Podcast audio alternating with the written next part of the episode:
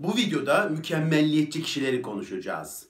Size mükemmelliyetçi insanların öne çıkan 3 temel özelliğinden bahsedecek ve de bu özellikleri nedeniyle yaşayamadıkları bazı güzellikler üzerinde duracağım. Mükemmelliyetçi kişilerin öne çıkan birinci özelliği şudur. Aşırı ve abartılı bir düzen anlayışı. Hepimiz çalışıyoruz. İşlerimiz elbette ki namusumuzdur. İşimizde ortaya temiz ve güzel bir ürün koymak, temiz bir iş çıkartmak hepimizin boynunun borcudur. Tabii ki bunu yapabilmek için düzenli olmalıyız, programlı olmalıyız, disiplinli olmalıyız. Elbette bunu hepimiz yapıyoruz. Ama mükemmelliyetçi insanlarda bu bahsettiğim durum çok daha abartılı bir yerde durur. Onlar bu bahsettiğim şeyi çok abartılı bir yere getirirler ve kendilerince bir kusursuzluk düzeyi belirlerler. Tam olarak herhalde bu kelime ifade eder durumlarını. Kusursuzluk düzeyi. Ve bu kusursuzluk düzeyine ulaşamadıkları sürece hiçbir işlerini beğenmezler. Diyelim ki kusursuzluk düzeyine onları ulaştıracak bir liste çıkardılar. Kusursuzluk düzeyine ulaşmaları için o listede diyelim ki 100 tane madde olsun. 100 birimlik işin olduğu bir liste. Bu listede 99'unu dahi yapsalar o bir tane şey gerçekleşmese bile işlerinden memnun olmazlar. İşlerini kesinlikle beğenmezler. Çok kötü bir şey olduğunu düşünürler. O bir birimde mutlaka gerçekleşecek. Bu arada bakın bu anlatıldığında çok güzel gibi gelebilir kulağa. Ne güzel işte bak. İşini ne güzel yapıyor diyebilirsiniz. Ama burada öyle bir şey yok. Aslında bu işin güzel bir iş dememiz için o işe o listenin 50 birimi de yeterli. Ya işte bizler yapıyoruz. Bakın aslında bizler de o 50 birimle ortaya bir iş çıkartıyoruz. Ama bu insanlar o 50 birimi kendilerince 100 birime çıkartırlar. Yani aslında burada Aa, ne güzel yapıyor demek e, diyoruz ama aslında burada öyle bir şey yok. Burada kendilerince o 50 birimi 100'e çıkartırlar. Gereksizdir aslında çoğu. Ve de o 99 bile yapıldığında o listede tatmin olmaz, mutlu olmazlar. İş kötü derler. Bu kusursuzluk düzeyine ulaşmaktır amaçları. O listedeki 100 birimin tamamına tik atmaktır amaçları. Bu çok ciddi şekilde abartılı bir şeye dönüşür. Bu durumlarından dolayı bu kişiler birkaç tane şeyi yaşamaktan mahrum kalırlar. Bunlardan birincisi şudur. Güvenin tatlı huzurunu yaşayamazlar. Bu insanlar etrafındaki insanlara çok fazla güvenmezler iş konusunda. İş vermezler, verirlerse takip ederler. Bir işi başkası yapmışsa bir de kendileri yaparlar. Hiçbir zaman memnun olmazlar başkalarının yaptığı işlerden. Bunu biz ebeveynlerde de görürüz. Çocuklarına bir sorumluluk verirler. Ne güzel bir şeydir sorumluluk kazanması adına. Sonra çocuğun yaptığı işi beğenmez. Bir de gider kendisi yapar. Ben çocuk olsam, yaptığım işi anne babamın bir kez daha yaptığını görüyor olsam herhalde bundan çok ciddi rahatsızlık duyardım. Bana güvenilmediğini düşünürdüm. Ve bir daha da bana bir iş verdiklerinde yapmak istemezdim herhalde. Zaten güvenmiyorlar. Zaten benim yaptığım her işin üstüne kendileri geçiyor. Ben niye yapayım o zaman? Kendime güven duygusunu yaşayamazdım bu durumda. Evet, güven problemi yaşarlar. Zaten işlerini tek başlarına yürütebileceklerini düşünüyorlarsa işlerini tek başına yürütürler. Ekip arkadaşı almazlar. Tüm işleri omuzlarına alırlar. Kendileri yapar her şeyi. Ya da diyelim ki ekip arkadaşlarına illaki ihtiyaçları var. Tek başına yürümeyen bir iş, biraz büyük ölçekli bir iş. O zaman da etrafındaki insanlara kök söktürürler. Aslında ekip arkadaşları hepsi alnının akıyla işini yapan insanlardır. Çok da güzel işlerinde başarılıdır, başarılıdırlar. Ama mükemmelliyetçi insanlar yine de beğenmez onların yaptıklarını. Onlara kök söktürürler. Evet ilk etapta bunu yaşayamıyor bu insanlar. Bu kusursuzluk, abartılı kusursuzluk düzeylerinden dolayı güvenin tatlı huzurunu yaşayamıyorlar maalesef. Bununla beraber bir şey daha yaşayamıyorlar. O da şu, bakın biz bir ürün ortaya koyduğumuzda, bir iş ortaya çıkardığımızda bundan keyif alırız. Tatmin duygusu yaşarız. Ne güzel oldu deriz. Bir huzur duyarız.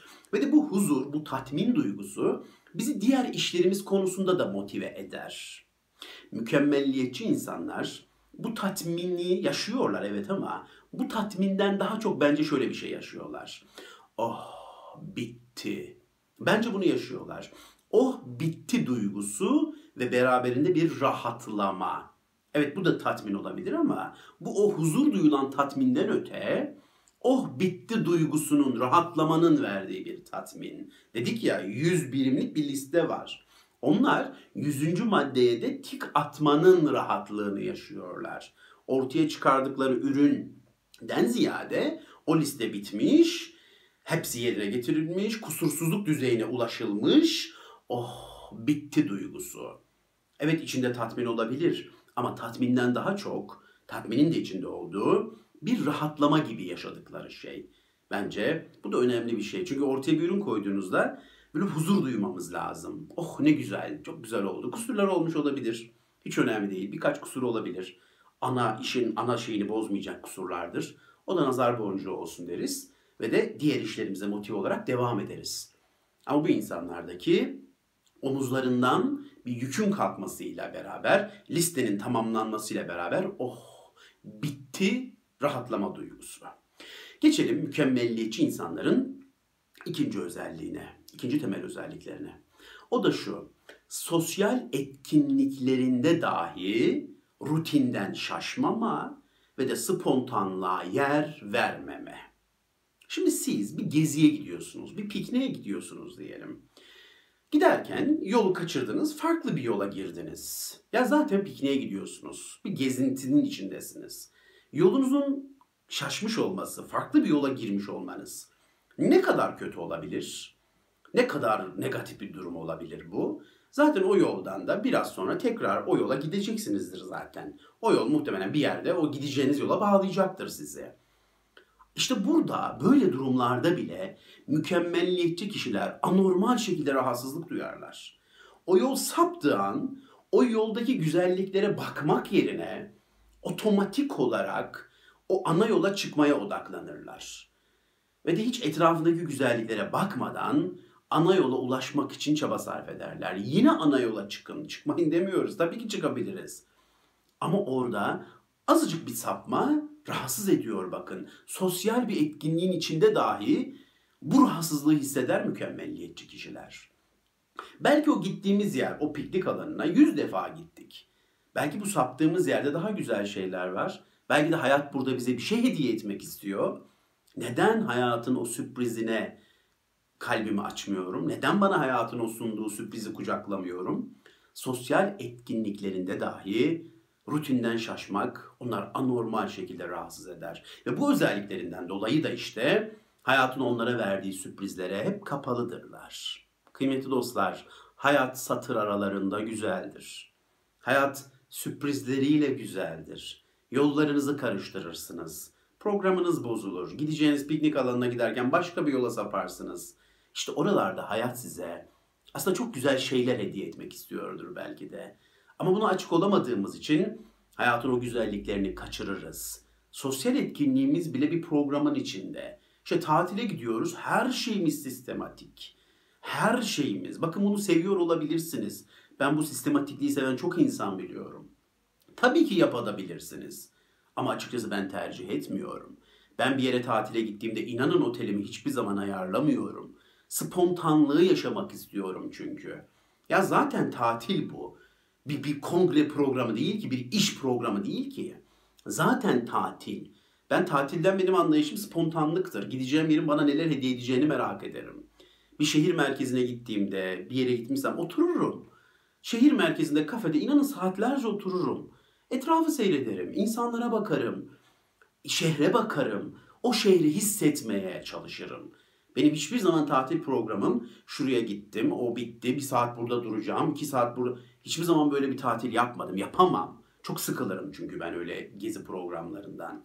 Ben spontanlığı severim. Hayatım bana hediye edeceği sürprizleri, gideceğim şehirdeki oteli gittiğimde ayarlayayım. Ne olacak yani kalacağım alt üstü bir yatak. Buluruz her türlü bulamasak havada güzelse yazsa dışarıda yatarız ne olacak? Ben o spontanlığı seviyorum. Hayatın sürprizlerini açıyorum kendimi. Hepimiz açmalıyız. Spontanlık güzeldir. Hayat ancak oralarda tatlı ve özeldir. Yıllar önce hatırlıyorum bir arkadaşımız bizi mangala götürmeye niyetlenmişti. O da çok mükemmelliyetçi bir insandı. Bizi üç arkadaş, iki kişiyiz yani biz, o da üç kişi. Bizi pikniğe götürdü, mangala götürdü. Mükemmel bir mangaldı. Kusursuz, her şey düşünülmüş. Hiç bizi, elimizi bir şeye sürdürtmedi. Kendisi mangalını yaktı, aşırı sistematik. Normalde biz mangal yakarken zorlanırız değil mi? İşte kömür yanmaz, odun yanmaz falan. Onda öyle hiçbir sorun yoktu. Mükemmel yandı her şey. Yiyecekler tam kıvamında sırasıyla pişiyor. Ve biz etrafı seyret, seyredemiyoruz ona bakıyoruz. Çünkü onun o sistematikliği bir de böyle bir şey yapıyor sizi. Hipnotize de ediyor. Ona bakıyoruz yani. Ve de işte her şeyimizi yedik, çayımızı içtik falan falan falan. Etrafı toparladık. Temizliğimizi yaptık. Çantaları topladık. Bitti. Mangal bitti. Sonra ben durdum dedim ki ya biz ne yaşadık ya? Biz dedim ne yaptık? Kusursuz bir mangaldı. Ama kupkuruydu. Hiçbir anısı kalmadı bende. Bakın mükemmel bir mangal. Her şey harika akıyor. Ama anısı nerede? Spontanlık yok. Hiçbir doğallık yok. Her şey sistematize şekilde planlandı ve programlandığı gibi yapılmış. Sevgili dostlar, kupkuruydu ama. O arkadaşıma bir şey söylemek için söylemiyorum. Allah razı olsun öyle bir şey düşünmüş, biz öyle bir etkinliğin içine almış. Çok teşekkür ediyorum ona ama mevzu o değil. Mevzu o spontanlığa yer verilmeyen etkinliklerde yaşanan kuruluk. Ama başka pikniklerimi de hatırlıyorum. Mangalları yakamadığımız, etleri evde unuttuğumuz, arabalarımızın arızalandığı, sabaha kadar piknik alanında bir başka aracın gelmesini beklediğimiz, gecenin karanlığında korktuğumuz, üşüdüğümüz nice nice piknikleri de hatırlıyorum. Hepsinden anılarım var. Kıymetli dostlar, anılar hayatın spontanlığında biriktirilir. Hayat bize sürprizler sunduğunda anılar birikir. Hani bizim o her şeyi milimi milimine ayarlanmış tatil programlarımız var ya. İnanın oralarda çok fazla anı biriktiremiyoruz gibi geliyor bana. Çünkü her şey o kadar sistematik ki, her şey o kadar belli ki hiçbir sürprize yer yok oralarda. Ama anılar bana sanki biraz spontanlıklarda birikiyor gibi geliyor. Ve bizim buna izin verdiğimiz zamanlarda. Hayatın size sürprizler sunmasına izin verin. Hayatın size sunduğu ödülleri kabul edin. Yolunuz bir pikniğe giderken farklı bir yola girdiyse o yolu bir gün takip edin. Hayat size kim bilir neler hediye etmek istiyor. Buna izin vermekte çok büyük fayda olsa gerek. Geçelim mükemmelliyetçi kişilerin üçüncü özelliğine. Hani dedim ya ikinci özellikleri sosyal etkinliklerinde bile rutini bozmazlar. Spontanlığa yer yoktur dedim ya. İşte bu özelliklerinden dolayı üçüncü özellikte tabii onların en temel özelliği oluyor. Spontanlık yaşanmasın diye, belirsizlik yaşanmasın diye yüksek oranda bir kontrol bağımlılığı. Mükemmelliyetçi kişilerin en çok öne çıkan özelliklerinden biri de budur tam anlamıyla bir kontrol bağımlısıdırlar. Belirsizlikler yaşanmasın diye, spontanlıklar yaşanmasın diye, hayatın o sürprizlerinin önüne daha önden, daha önceden engel olalım diye anormal şekilde bir kontrol bağımlılıkları vardır. Her şeyi kontrol ederler. Bana sorun, deyin ki bu hayatın en büyük işkencesi nedir? Bence budur. Kontrol bağımlılığı, diken üstünde bir hayat her şeyi kontrol etmeniz gerekiyor. Ve kontrolünüzden çıkan bir şey bile varsa bu sizi kahrediyor. Bu ne kadar zor bir hayat olsa gerek. Size bir fıkra anlatmak istiyorum burada. Nasrettin Hoca diye okumuştum bir kitapta ama başka birinin de olabilir. Biz bir adam diye anlatalım. Adamın biri evinin önüne darı ekiyor.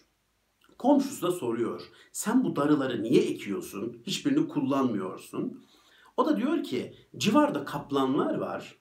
Ve bu darıyı gördüklerinde buraya gelmiyorlar. Bu darı bizi kaplanlardan koruyor diyor. Komşusu şaşırıyor tabi. Diyor ki ne kaplanı? Ben hiç bu civarda kaplan ne gördüm ne de duydum. Bunun üzerine adam şöyle bir şey söylüyor. Gördün mü? Bak darıları ekmemin ne kadar ciddi faydası varmış. Ve ben her gün dar ekmeye devam edeceğim diyor. Bu tam anlamıyla bir kontrol yanılgısıdır yaptığınız kontrollerin hayatınıza gelecek negatif şeyleri önlediği ile ilgili yanılgı içindesinizdir. Hayat bildiği gibi gelmeye devam edecek. hayat bildiğini okumaya devam edecek. Siz kontrollerinizi sınırsızca yapıyorsunuz diye hiçbir negatif durum yaşamayacağınızı mı zannediyorsunuz? Yine yaşayacaksınız. Ama siz sadece o kontrolle, kendinize o biçtiğiniz o ağır hayatla, sürekli her şeyi kontrol etmenin verdiği o rahatsızlığı yaşamakla sadece o yanınıza kar kalacak. Yine hayat negatif her şeyini getirecek. Bakın burada kastettiğim hiçbir şeyi kontrol etmeyin, her şeyi bırakın demiyorum. Tabii ki hepimizin kontrol edebileceğimiz yerler ve sınırlar var. Bunun bir düzeyi vardır. Ve o düzeyin sonrasında bırakırız. Kontrol edebileceğimiz yere kadar eder, sonrasında kendimizi nehrin üstüne bırakırız. Akar o. Nereye götürecekse götürecek. En tür, her türlü kontrolümüzü yaptıktan sonra. Hayatın sürprizlerine açık olacağız oradan sonra. Ama insanlar, bazı insanlar, özel işte mükemmelliyetçi insanlar o hayatın getireceği sürprizleri yaşamamak için kendilerince her şeyi sınırsızca kontrol ediyorlar. Ve o kontrollerle negatif şeylerin önüne geçtikleri yanılgısı üst içine düşüyorlar. Aynen fıkrada anlattığım gibi. Yanılgı bu. En önleyemiyorsunuz aslında. Yine hayat bir sürü negatif durumu yaşatıyor. Hayat yine bir sürü sorunu getiriyor. Ama siz her şeyi kontrol ederek hayatın olumsuzluklarının önüne geçtiğiniz yanılgısını yaşıyorsunuz sadece. Evet, bu da onların üçüncü özellikleri. Aşırı kontrol bağımlılığı nedeniyle diken üstünde bir hayat. Diyorum ya hepimiz kontrol ediyoruz tabii ki. Tabii ki hayatımızda kontrol edebileceğimiz şeyler var.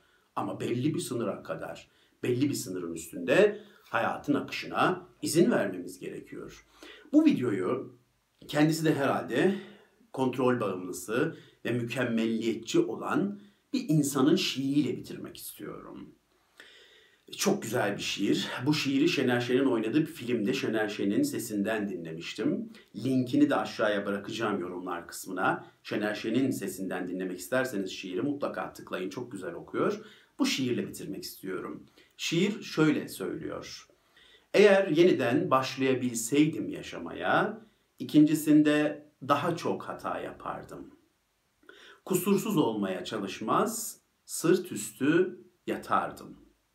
Eğer yeniden başlayabilseydim, ilkbaharda papuçlarımı fırlatır atardım ve sonbahar bitene kadar yürürdüm çıplak ayaklarla. Bir şansım olsaydı eğer. Sevgili dostlar, bu hayat bize verilmiş bir şans. Bu şansı nasıl değerlendirdiğimiz bize kalmış. Aşırı kontrol bağımlılığıyla sosyal etkinliklerimizde bile rutinliğe yer vermeden abartılı kusursuzluk düzeyine ulaşmaya çalışarak da bu hayatı bitirebiliriz.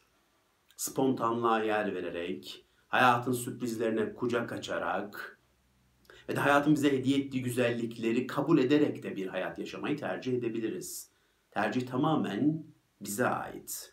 Şiiri Şener Şen'in sesinden aşağıda yorumlar kısmındaki linki tıklayarak dinlemenizi tavsiye ederim. Evet size bu videoda mükemmelliyetçi kişilerin öne çıkan özellikleri üzerinde durmaya çalıştım. Dinlediğiniz için teşekkür ederim.